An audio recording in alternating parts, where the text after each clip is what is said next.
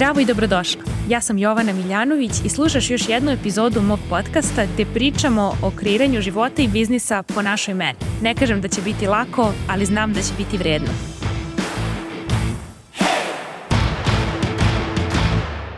Zdravo i dobrodošli u današnju epizodu gde pričamo o cenama i postavljanju cena. Ovo je jedna od najtraženijih epizoda koje ste mi pisali da želite da snimim i očekujte da će biti malo duže nego ove ostale jer imam mnogo toga da kažem što može da vam koristi i trudit ću se da pokrijem sva pitanja koja sam dobijala. Dakle, kada pričamo o postavljanju cena, postoji više razloga zašto to muči posebno žene sa kojima ja radim. Većina žena s kojima radim apsolutno ima problem da naplati svoj rad, posebno zato što je većina njih E, radi to što radi iz velike ljubavi i strasti i onda nekada imaju i taj bug da ako se one već dobro zabavljaju u tom poslu, ako to mnogo vole, možda nije ok da to nekom drugom naplate. Što nas dovodi do onoga da često ne cenimo ono što je naša super moć, a veličamo ono što neko drugi zna. Tako da ja koja ne znam i ne zanima me da naučim da kuvam, smatram da je žena koja ume da spremi ozbiljan obrok, totalni zmaj i car, a ona verovatno kaže i misli u svojoj glavi da sam ja car jer ja mogu da izmislim online biznis i napravim pare. I svi mi tako gledamo što neko drugi radi i mislimo u wow, wow, kad bi ja to znala, ovo baš vredi, a za naše često mislimo da je potpuno bezvredno.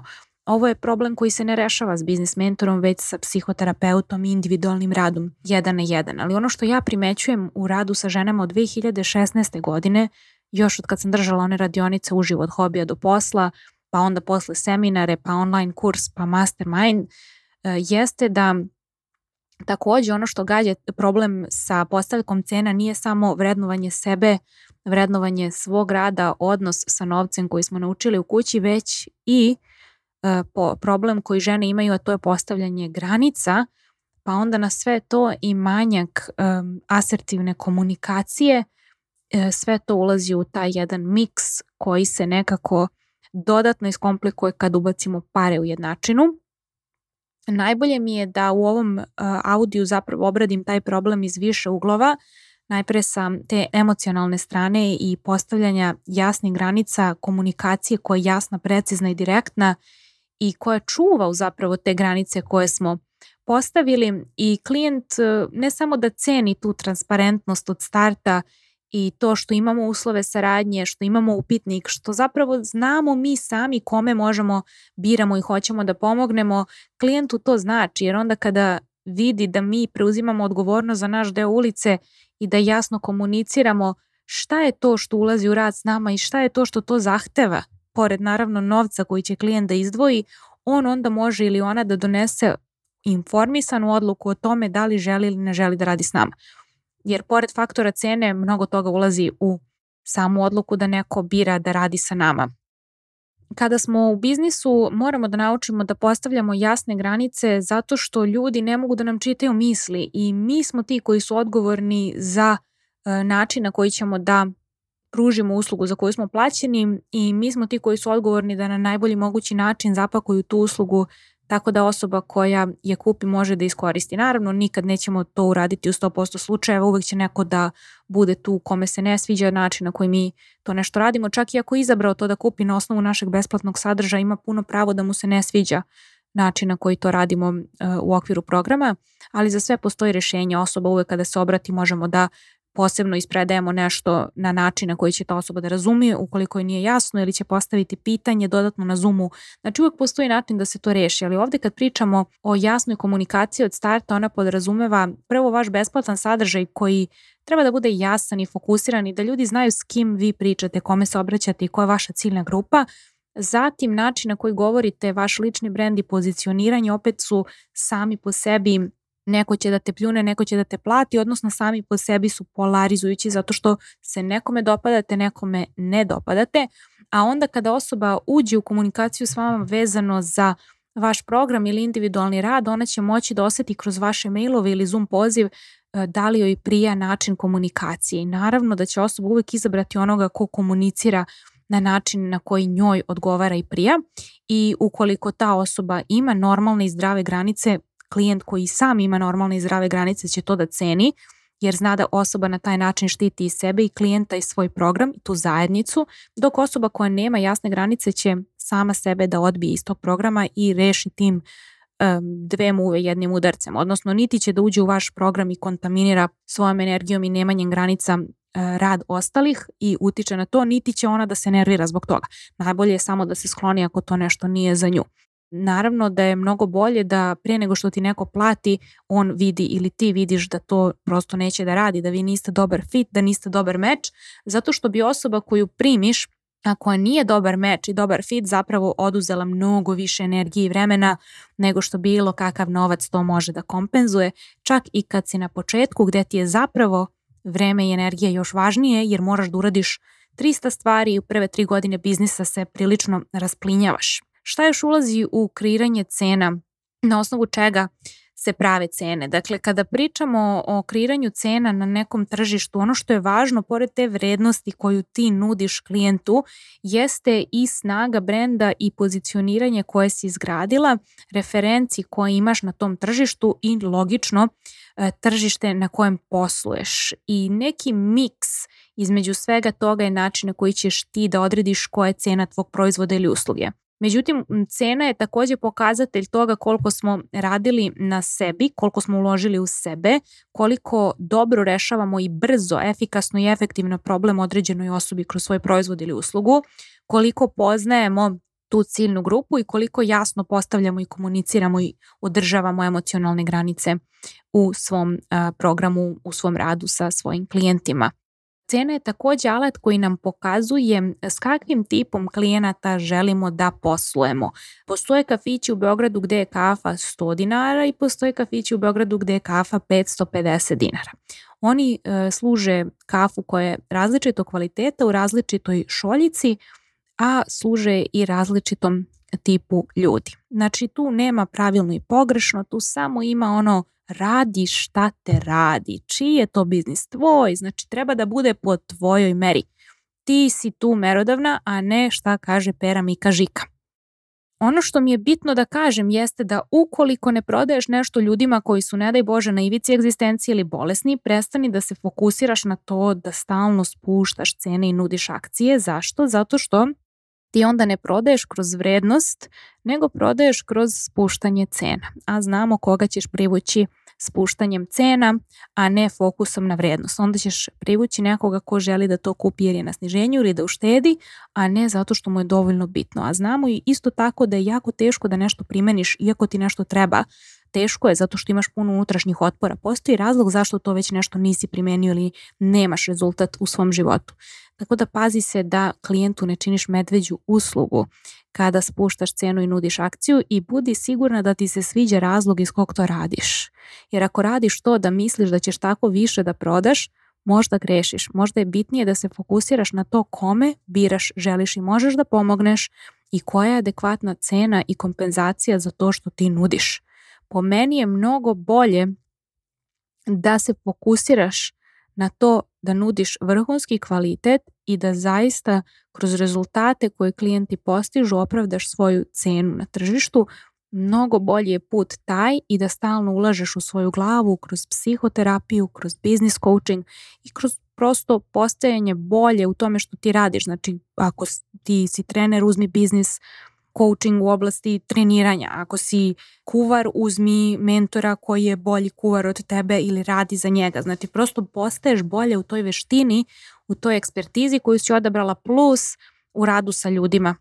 To je po meni pravi put da postaješ vrednija u pomaganju klijentu da dođe do rezultata, a ne da prodaješ kroz to što stalno spuštaš cene i nudiš različite akcije, jer bojim se da ne privučeš možda pogrešne ljude.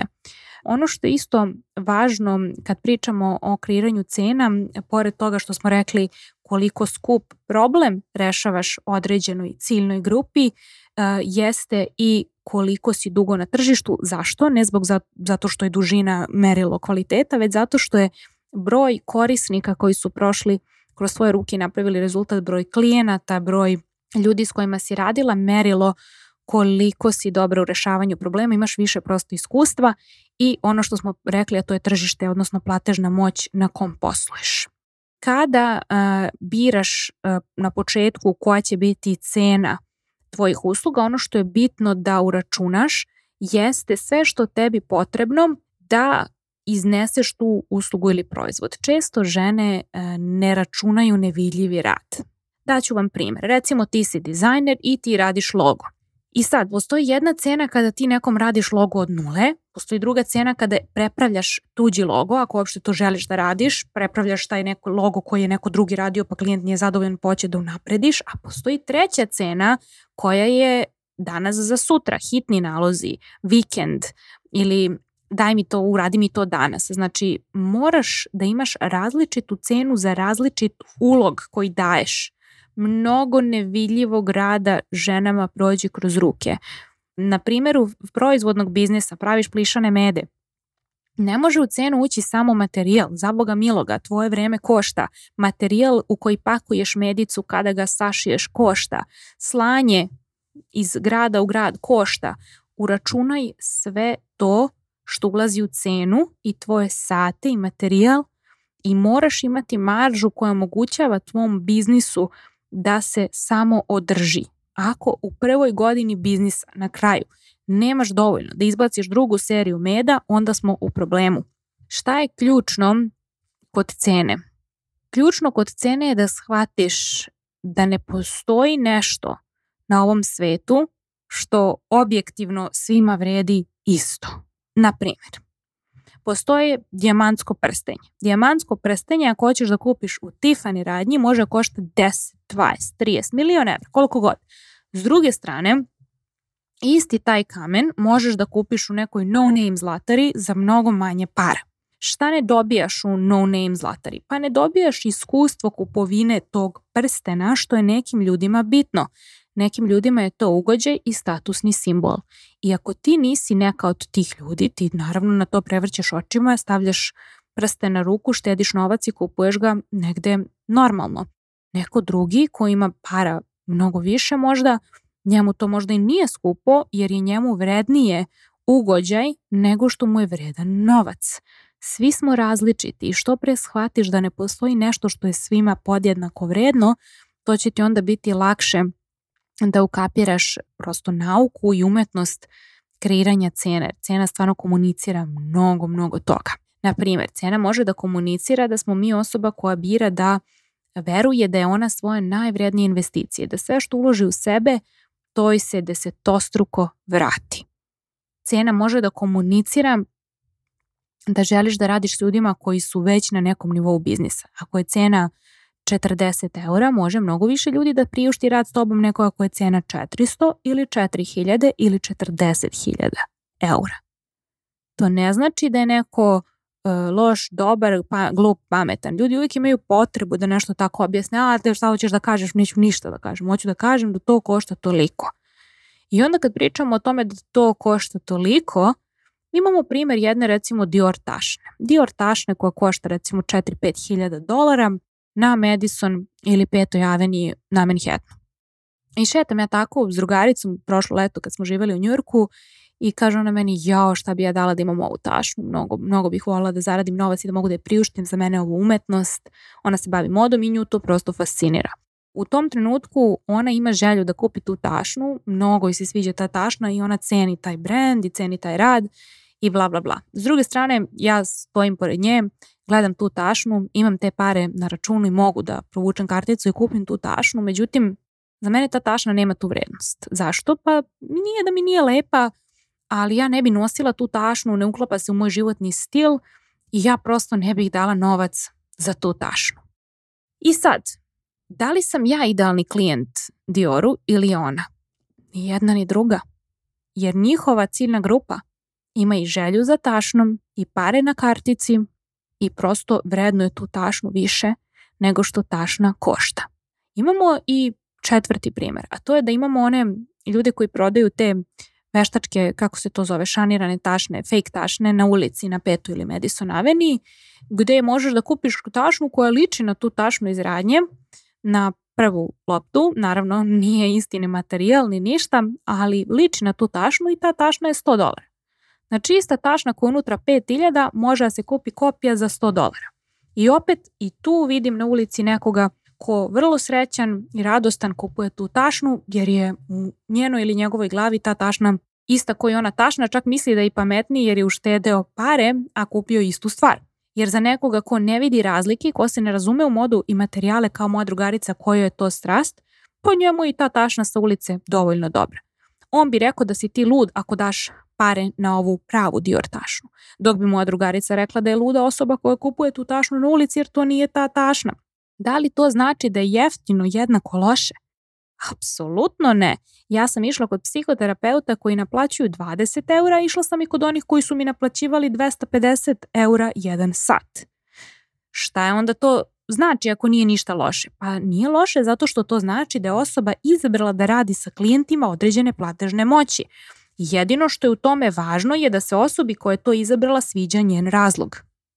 Niti je jedan terapeut bio lošiji od drugog, niti je bio manje obrazovan. Samo imao drugu ciljnu grupu i na drugi način u drugo vreme formirao svoju cenu. Bila sam zadovoljna i s jednim terapeutom i s drugim terapeutom, ali su imali različite ciljne grupe i bili su u različitim životnim fazama i u različitim karijernim fazama. Cena je simbol, broj i poruka s kim ti biraš da radiš. Ono što je isto interesantno jeste da primetimo da li si ti tip ličnosti koji voli da troši novac ili ulaže ili ne. Oba su ok. Moj partner je tip ličnosti, moj muž Boris je tip ličnosti koji voli da sve sam proba. Sam da izugla, sam da nauči. To dolazi iz toga što je on odrastao u siromaštvu i što nikada nije ni postojala opcija na stolu da nekog platiš da nešto uradi za tebe. S druge strane, ja sam tip osobe koji od uvek voli da plati nekom drugom da uradi nešto što se meni ne radi. Ne samo da volim, već i uživam u tome. Jer ja kroz to podržavam nečiji biznis i moje pare rade i za mene i za tu osobu. M se ja ne smaram s nečim što me mrzi, M ta žena čoveč ima pare da radi ono što ona voli, da ona prehrani svoju porodicu i da ona ima za ono što njoj treba često se dešava i da platim ljudima neku uslugu duplo više nego što su mi tražili jer procenim da je cena niska.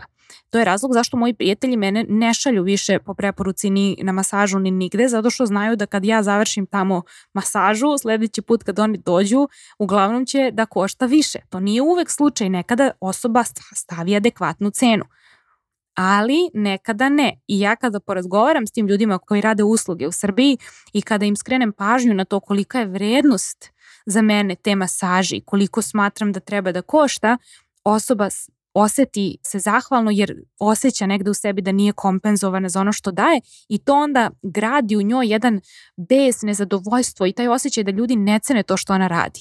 I nije često da ni u kafićima nekim koje mnogo volim ranije, posebno u Beogradu pre par godina, kažem, e, ovo treba stvarno više da košta. Stvarno se trudite, stvarno ste drugačiji od svega i koristite vrhunske sastojke, slobodno dignite cenu jer mi koji vas volimo nije nam problem da platimo više ako to znači da nećete da nestanete za godinu dana. Jer nekada kada nije dovoljno jaka marža, biznis će samo sebe da uništi, samo ubije, bukvalno. Tako da, e, kakav si ti kupac? Ja ne volim da trošim na sve, ali na ono do čega mi je stalo, kao što su iskustva, pokloni za drage ljude ili recimo dobar komad nakita, to je nešto što mene raduje i to je ono zašto ja ne želim. Ili za biznis klasu u avionu nikad ne želim zato što volim da se naspavam i da dođem odmorna i ceo život dok sam bila mlađa sam jedva čekala da zarađujem dovoljno da mogu na taj način da idem na preko okeanske letove da odspavam turu i dođem odmorna, a ne totalno rašrafljena kad sletim. Tako da kakav si ti kupac je verovatno da utiče i na način na koji ti formiraš cene i na to s kakvim ljudima biraš da radiš. Opet kažem, nema pravilno i pogrešno. Radi šta te radi, radi s kim ti prije da radiš. Većina nas voli da radi s ljudima koji su kao mi i onda samim tim imamo zajednički jezik, na istoj smo talasnoj dužini, brže dolazimo do rešenja problema i nekako lakše je tako i zabavnije, bare meni. Sledeća stvar e, kada pričamo o ceni jeste što ciljna grupa, što ti je uža, to ćeš biti veći ekspert, ići ćeš više u dubinu, e, bavići se tom temom 3, 4, 5, 10 godina i samim tim što ti je uža ciljna grupa, bolje ćeš moći da je pomogneš da reši određeni problem, pa ćeš zato biti i finansijski kompenzovana za to.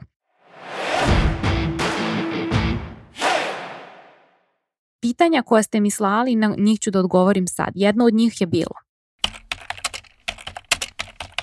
Šta ako je mojim klijentima moja nova cena skupa? Pa to znači da će tvoji klijenti morati da donesu odluku. Ili neće više biti tvoji klijenti, prosto će naći nekog drugog ko će po toj ceni da im reši problem. Nekim ljudima će prosto uvek biti nešto skupo ili nisu primenili to što su do sad radili s tobom ili prosto nisu ni posvećeni da dobiju taj rezultat, samo su blago zainteresovani, hteli su da liznu, pipnu, probaju kao ono u marketu, kao probaš e, nešto i shvatiš da ipak nećeš. Tako da ne možeš da pogrešiš kada dižeš cenu ukoliko naravno imaš kvalitet, imaš veliku potražnju i možeš da priuštiš da kažeš ljudima ne i da ljudi tebi kažu ne. To je super merilo kada si spremna da digneš cenu. Zašto to kažem? Zato što je alternativa da izdaš sebe i da nastaviš da radiš sa ljudima koji nisu tvoja idealna ciljna grupa i da ne napreduješ u svom poslu, karijeri i uh, ciljnoj grupi s kojom radiš. I šta je onda rešenje? Pa mislim onda je rezultat toga što ćeš zapravo da počneš da prezireš i sebe i posao koji radiš preko sebe i gaziš sebe i ne osjećaš se da si kompenzovana. To nije put. Znači ili radi s klijentima sa stilom i sa lakoćom i uživanjem ili brate nemoj ni da radiš sa tom grupom ljudi po toj ceni. Naravno, ovo sve se jedino računa ukoliko ti zaista imaš kvalitet proizvoda ili usluge i možeš da pomogneš ljudima da kreiraju rezultat koji si i sama već kreirala, znači ne pričaš nešto na pamet, nego pričaš iskustveno i kroz znanje i kroz zvanje i u tom slučaju ne moraš da brineš jer ljudi sigurno neće otići samo zbog cene. Tvoji idealni klijenti će naći način da zarade taj novac ili će prosto napraviti pauzu neko vreme i onda će se vratiti kad budu spremni da rade po novoj ceni. Nikada niko nije odustao od rada s nekim samo zbog cene, samo je odustao zato što vrednost više nije bila dovoljno velika e, za novac koji su trampili da bi je dobili. Sledeće pitanje je bilo da li da formiram cene u odnosu na konkurenciju. Apsolutno ne. Prvo ja ne verujem konkurenciju i o tome sam pričala hiljadu puta. jedina konkurencija koju ti imaš je konkurencija sa onim ko možeš da budeš, a još uvek nisi. Tako da fokusiraj se na to da izgradiš svoj lični brand, da budeš ono što jesi, da te jedan pljune, drugi plati kako bi na taj način bila van svake konkurencije, jer ne treba ti 10.000 ljudi koji će hteti da rade s tobom, treba ti 100 do 1000 ljudi da zaista ideš u dubinu i da radiš sa ljudima s kojima si na istoj talasnoj dužini. Tako da zaboravi na konkurenciju i gledaj u svoje dvorište. Šta ako ja mislim da je moja cena ok, a moji klijenti ne kupuju? Vidi, e, kako bi imala biznis, a ne hobi, moraš prvo da vidiš da li ti rešavaš problem kog su ljudi svesni za čije rešenje planiraju da plate. Da li imaju novac i da li žele da ga trampe da dobiju rezultat koji će dobiti ako primene tvoj proces ljudi moraju da vide da je vrednost koju dobijaju veća od novca koji su dali za to isto kako bi bili prosto motivisani da ti plate. Ciljna grupa samim tim u tvom biznisu apsolutno ne može da bude neko ko nema novac ili ko neće da ti da novac za to što nudiš. To nije onda tvoja ciljna grupa. To su neki ljudi kojima si ti mislila da želiš da pomogneš. Što nas dovodi do toga da ti moraš da vidiš da li imaš jasno definisanu ciljnu grupu, da li nudiš i komuniciraš rezultat na adekvatan način putem društvenih mreža i da li kroz svoj besplatan sadržaj daješ ljudima priliku da kreiraju rezultati pre nego što ti plate. Jer ako ljudima ne nudiš način da kreiraju rezultati pre nego što ti plate, kao što ja radim kroz svoj blog od 2011. godine i kroz ovaj podcast, kako onda neko može da ti veruje sa svojim novcem, kada mu nisi dao ništa da proba?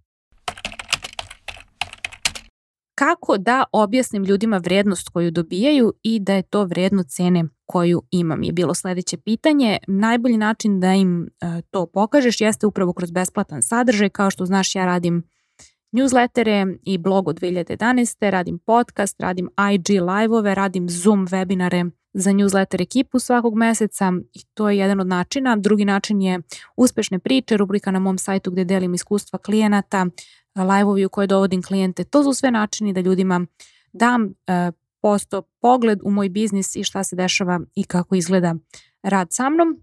To je ono što je jedan od načina da ljudima daš način da kreiraju rezultati pre nego što ti plate. Da li u redu često menjati proizvod? Znam da si jednom rekla umesto spuštanja cene, pronađi proizvod ili uslugu koji zaista rešavaju osobi problem. Ja konkretno imam priručnik i online radionicu, ne znam da li oni ne rešavaju taj problem ili ja ne verujem dovoljno, ne prodaju se onako kako želim, zato ne razmišljam da li da napravim nešto novo. Meni ovo zvuči uh, iskreno kao da bežiš od prodaje u novi biznis. Pre nego što smisliš novu cijenu grupu ili novi proizvod, odluči se za jedan proizvod kome ćeš da daš tri meseca da uradiš sve što je do tebe, da ljudima pružiš uvid u vrednost koju taj proizvod može da im kreira ako ga primene. Pitanja za tebe su da li si uradila sve što je u tvojoj moći da ovo uspe, da li si definisala jasnu ciljnu grupu, da li si validirala ideju, da li imaš klijente koji su to uradili, da li imamo neki rezultat iz toga, da li znaš da li taj priručnik stvarno pomaže ljudima da kreiraju taj rezultat, da li rešava problem tvojoj ciljnoj grupi, da li imaš kontakt s tim prošlim klijentima koje možeš da pitaš vezano za to. Nemoj da menjaš proizvod i skačeš cveta na cvet. Ja svima savjetujem da odluče jednu stvar i da tu jednu stvar unapređuju minimum tri godine, jer je to način na koji sam ja izgradila svoj biznis i ne mogu da vam savjetujem nešto što sama nisam prošla. Sledeće pitanje glasi šta ako moj fizički proizvod ima jaku nabavnu cenu i marža ne može biti velika? U tom slučaju moraš da sedneš i izračunaš da li si ti zadovoljna time što možeš da zaradiš iz tog biznisa. Ako jesi, nastavi da ga radiš, a ako je odgovor ne, onda ga gasi i pali dalje. Život je zaista previše kratak da kreiraš biznis koji nije po tvojoj meri. Sledeće pitanje je bilo vezano za komentar koji jedna devojka dobila koji kaže da ljudi misle da, njeni prijatelji misle da je njen proizvod skup i da je to razlog zašto se njen proizvod ne prodaje. A, moram da odgovorim na ovo pitanje u svom stilu, a to je ako tvoj prijatelj ili tvoj komšija ili muž ili bilo ko misli da to što si se njihov pojam ti skupa mora biti razlog što se ne prodaje, nemoj da budeš glupa i da slušaš ljude koji nemaju biznis kakav ti želiš i koji se ne obraćaju tvojoj ciljnoj grupi. Zašto? Pa zato što će ti to prosto unazaditi kako u poslu, tako i u životu. Jedino koga treba da slušaš si ti i tvoja ciljna grupa. Naravno, u nekim idealnim okolnostima imaš mentora koga plaćaš i zajednicu ljudi koji su na istom putu i sa njima možeš da razgovaraš o svojoj ceni i ograničavajućim uverenjima vezano za svoj proizvod ili lični brand ili prodaju ili bilo šta ali ono što mi je mnogo važno da ti kažem jeste da nikada ne pomisliš da je cena razlog što ne prodaješ. Koji su potencijalni razlozi što ne prodaješ? Pa ti si razlog što ne prodaješ broj 1. E sad šta to znači? Pošto si ti razlog što ne prodaješ, to znači da je to super vest jer si ti razlog upravo zbog koga možeš da počneš da prodaješ. Koje su varijante toga što ne prodaješ? Jedna od varijanti zašto ne prodaješ može bude da nemaš kvalitetan sadržaj na mrežama koji ljudima pruža uvid u to kako ti radiš i ne nudi im rezultate pre nego što ti plate. Drugi um, može da bude što nemaš izgrađenu zajednicu, imaš samo neke ljude koji su ti publika i posmatrači, ali nisu zajednica, nemate komunikaciju. Treći može da bude što nemaš svest o ličnoj vrednosti i nemaš samo pouzdanje, ne vrednuješ svoj radni trud ni znanje u skladu s tim i za to ti je rešenje psihoterapija.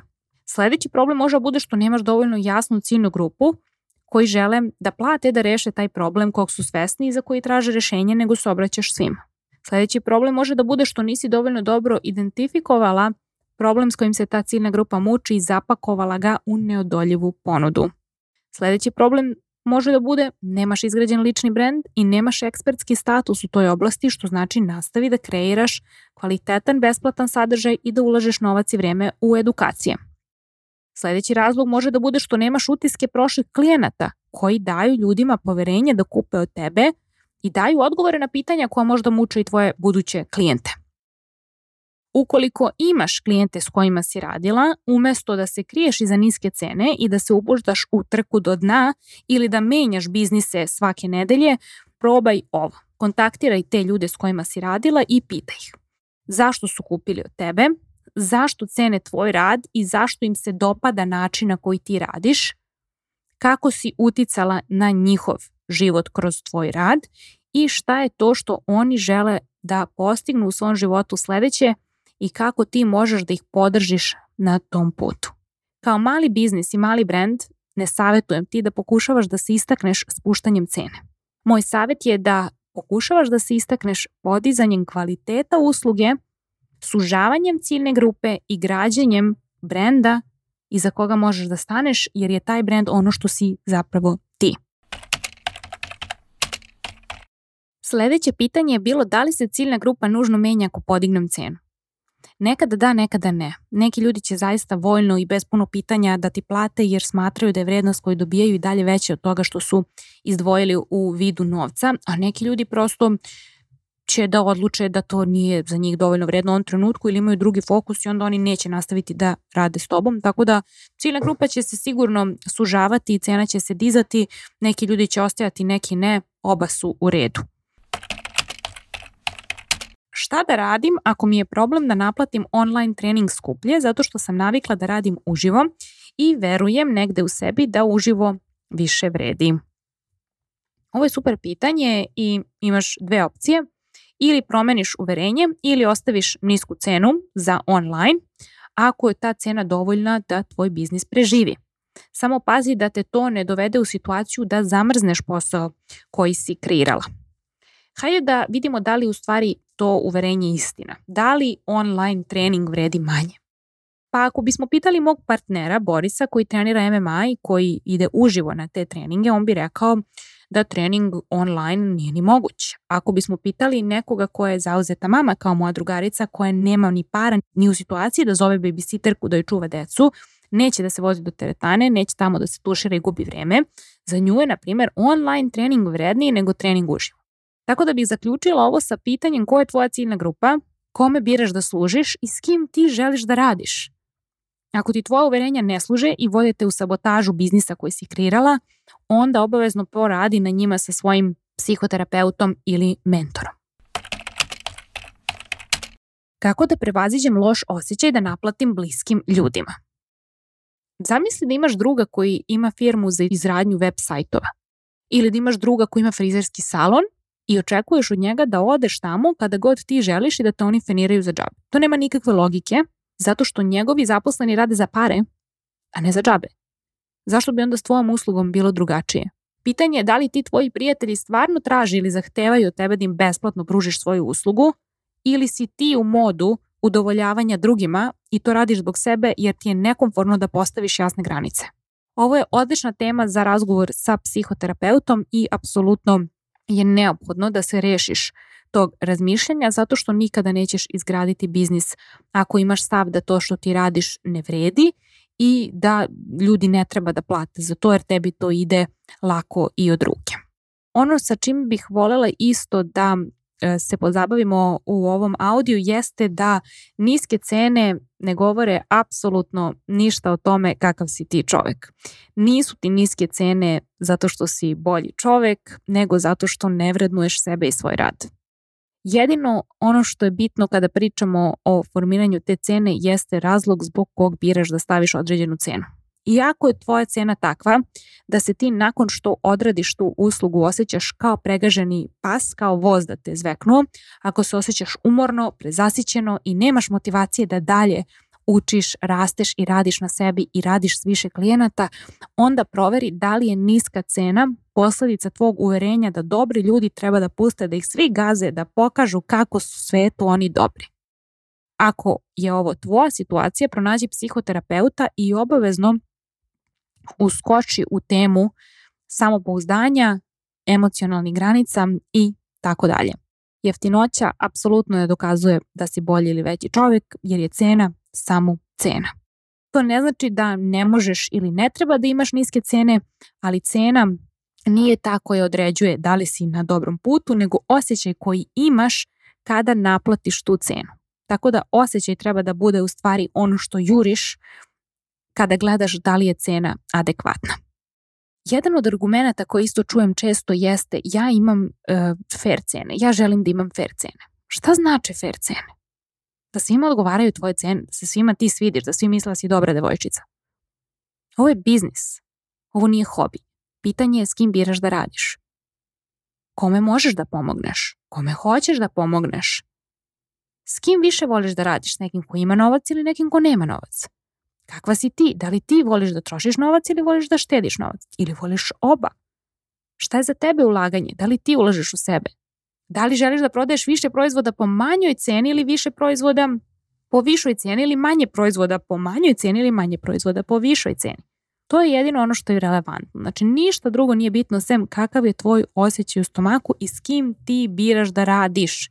Fair cene su potpuno glupa konstrukcija zato što ne postoji takva stvar kao što su fair cene. Postoji da li mi je ovo dovoljno vredno da za njega dam pare i to je jedino šta na tržištu postoji kao relevantno, jer ako tržište smatra da to što ti radiš nije vredno, neće ti dati pare i to je cela nauka u biznisu.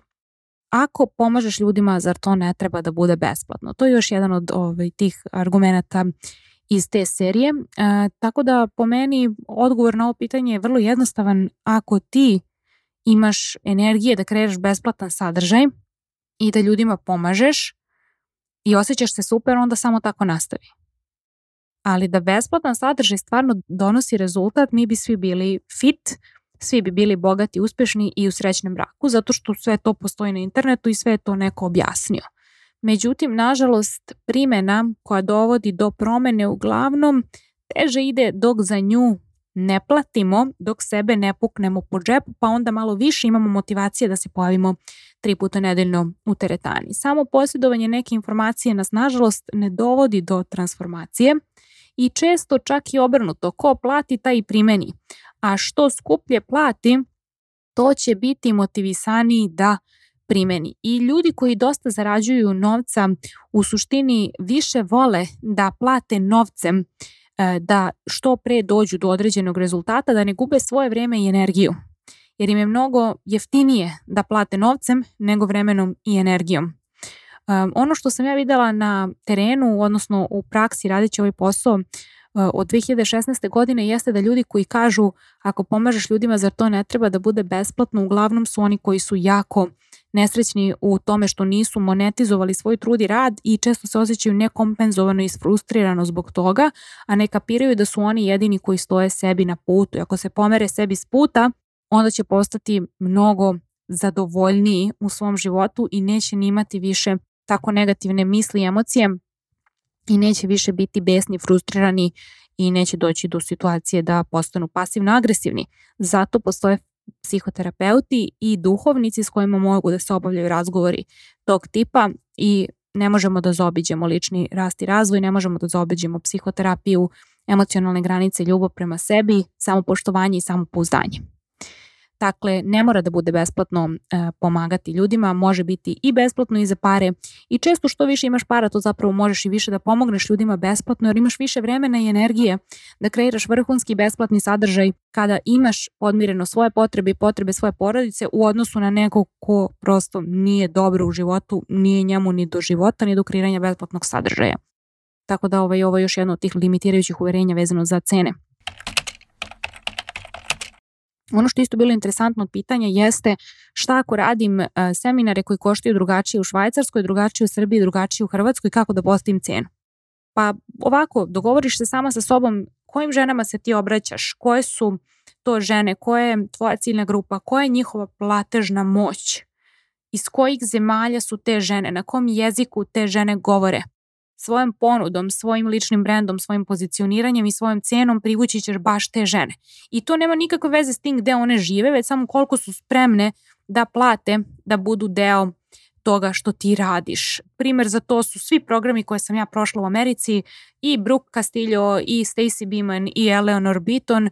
To su sve žene koje su meni uzele pare isto koliko su uzele pare i nekome ko živi u Njujorku. I nije bilo bitno odakle smo mi, bilo im je samo bitno da smo mi njihova idealna ciljna grupa.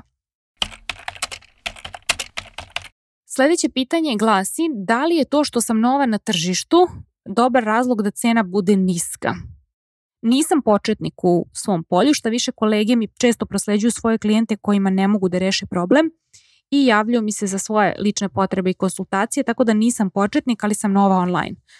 Ne, apsolutno ne znači da treba da imaš nižu cenu zato što si nova online jedini razlog da imaš nižu cenu je zato što želiš da imaš nižu cenu. Ako si ti dobro s tim, onda ima i nižu cenu.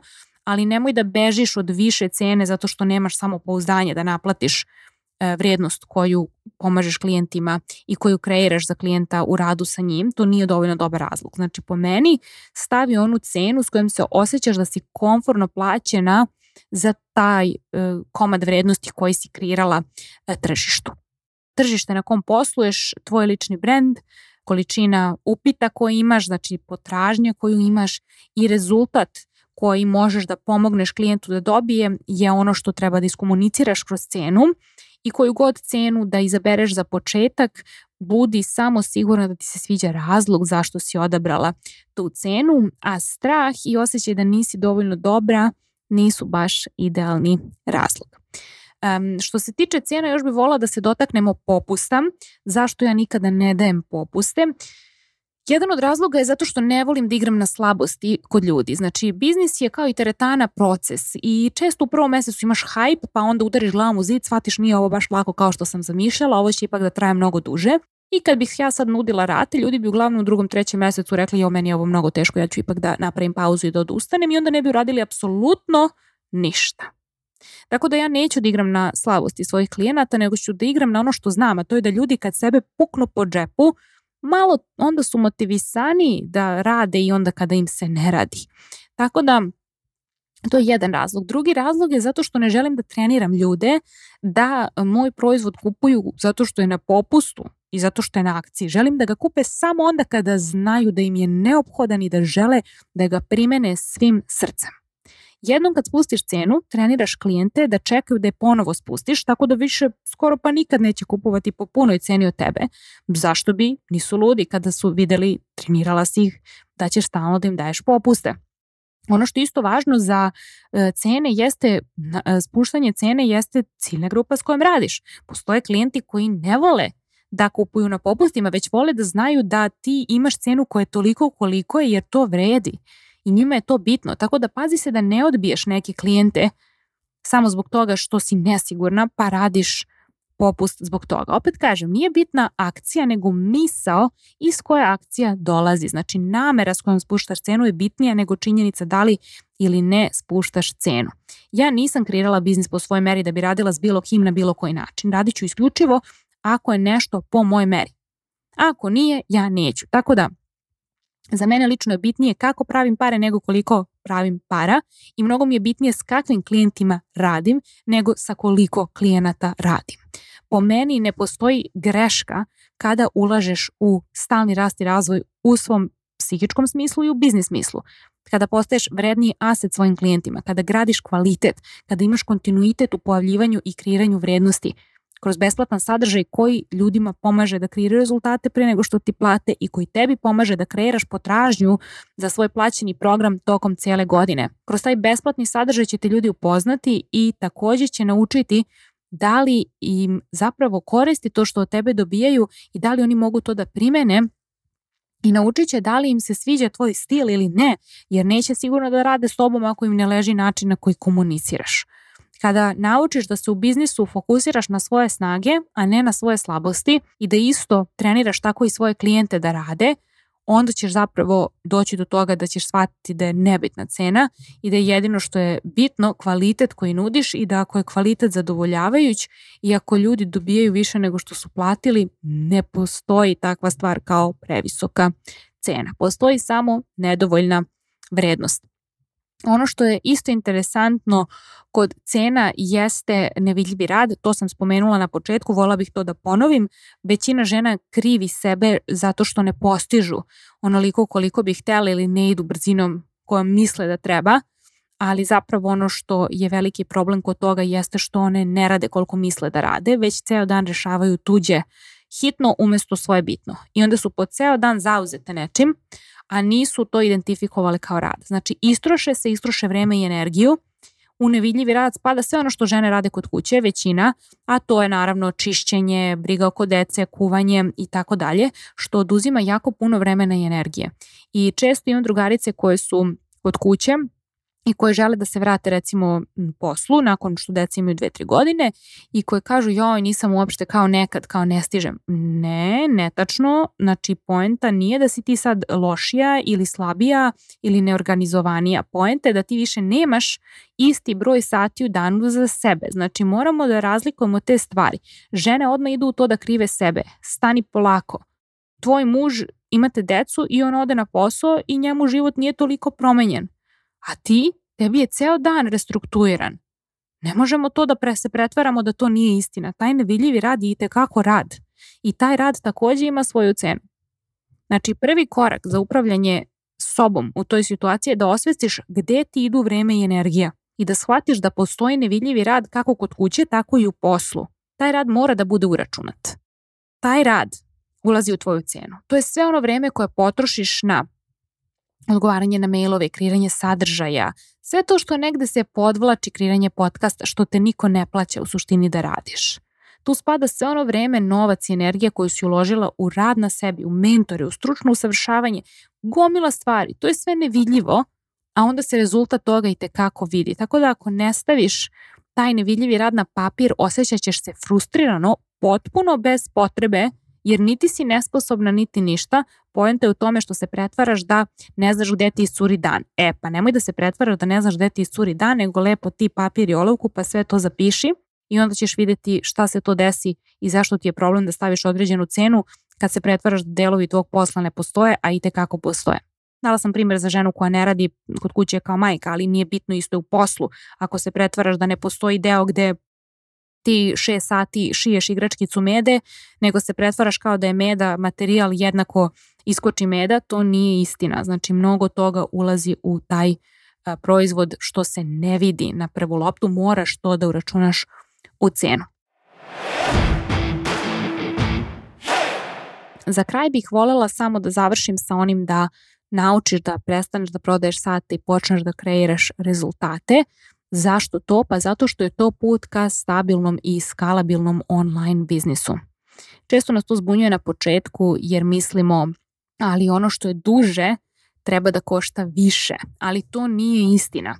Daću ti primjer, ako imaš neki zdravstveni problem koji jedan lekar kaže mogu da ti ga rešim jednom operacijom i za tri meseca ćeš biti ok, a drugi lekar kaže ja ću da te operišem šest puta i za šest meseci ćeš biti ok, koga bi izabrala i kome bi platila više, da li ovom što će duže ili ovom što će kraće, da li ovom što će da utroši više vremena da te leči i bit će nekomfornije ili ovom što može da te brže dovede do željenog rezultata i konfornije.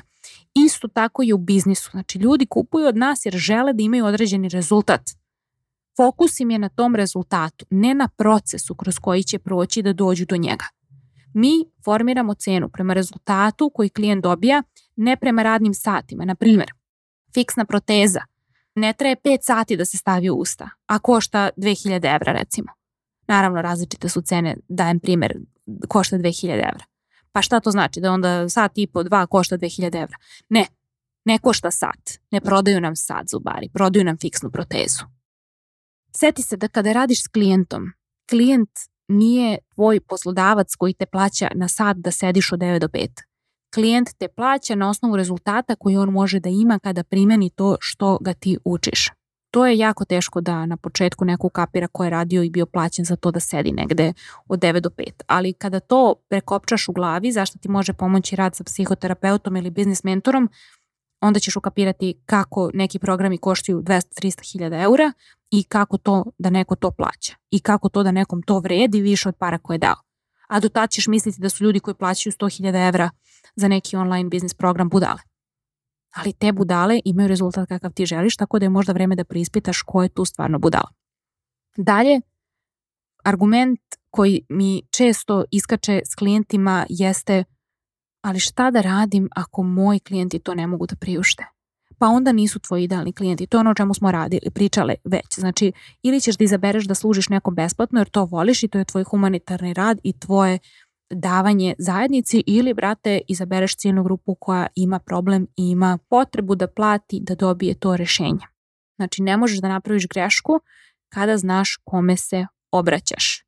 Kada znaš kome se obraćaš, ti se obraćaš samo toj osobi i ne moraš da lupaš glavu u zid da li ona ima pare, jer ona, ako je tvoj idealni klijent, apsolutno ima pare i apsolutno joj je vrednost to što ti nudiš. I za sam kraj, kada smo E, na početku našeg posla, bolje da krenemo sa nižom cenom kako bismo došli do većeg broja klijenata jer ćemo vrlo lako kad imamo veliku potražnju dići cenu, a kada nemamo veliku potražnju, bolje je da radimo iz pet ljudi po nižoj ceni nego ni sa kim sa višoj.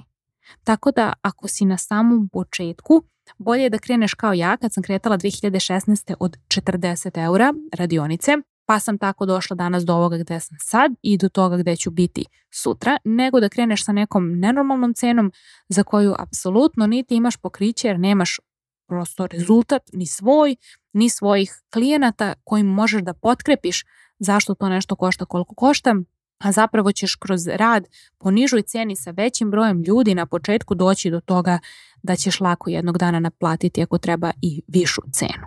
Eto, ovo je bila jedna jako duga epizoda, mogla bih ovome da pišem bukvalno master rad, još jedan, ali a, bit će prilike da o ovome govorimo više na onim Zoom mesečnim pozivima koje radim za newsletter ekipu, tako da ako niste na mom newsletteru, prijavite se na mom web sajtu i čujemo se uskoro.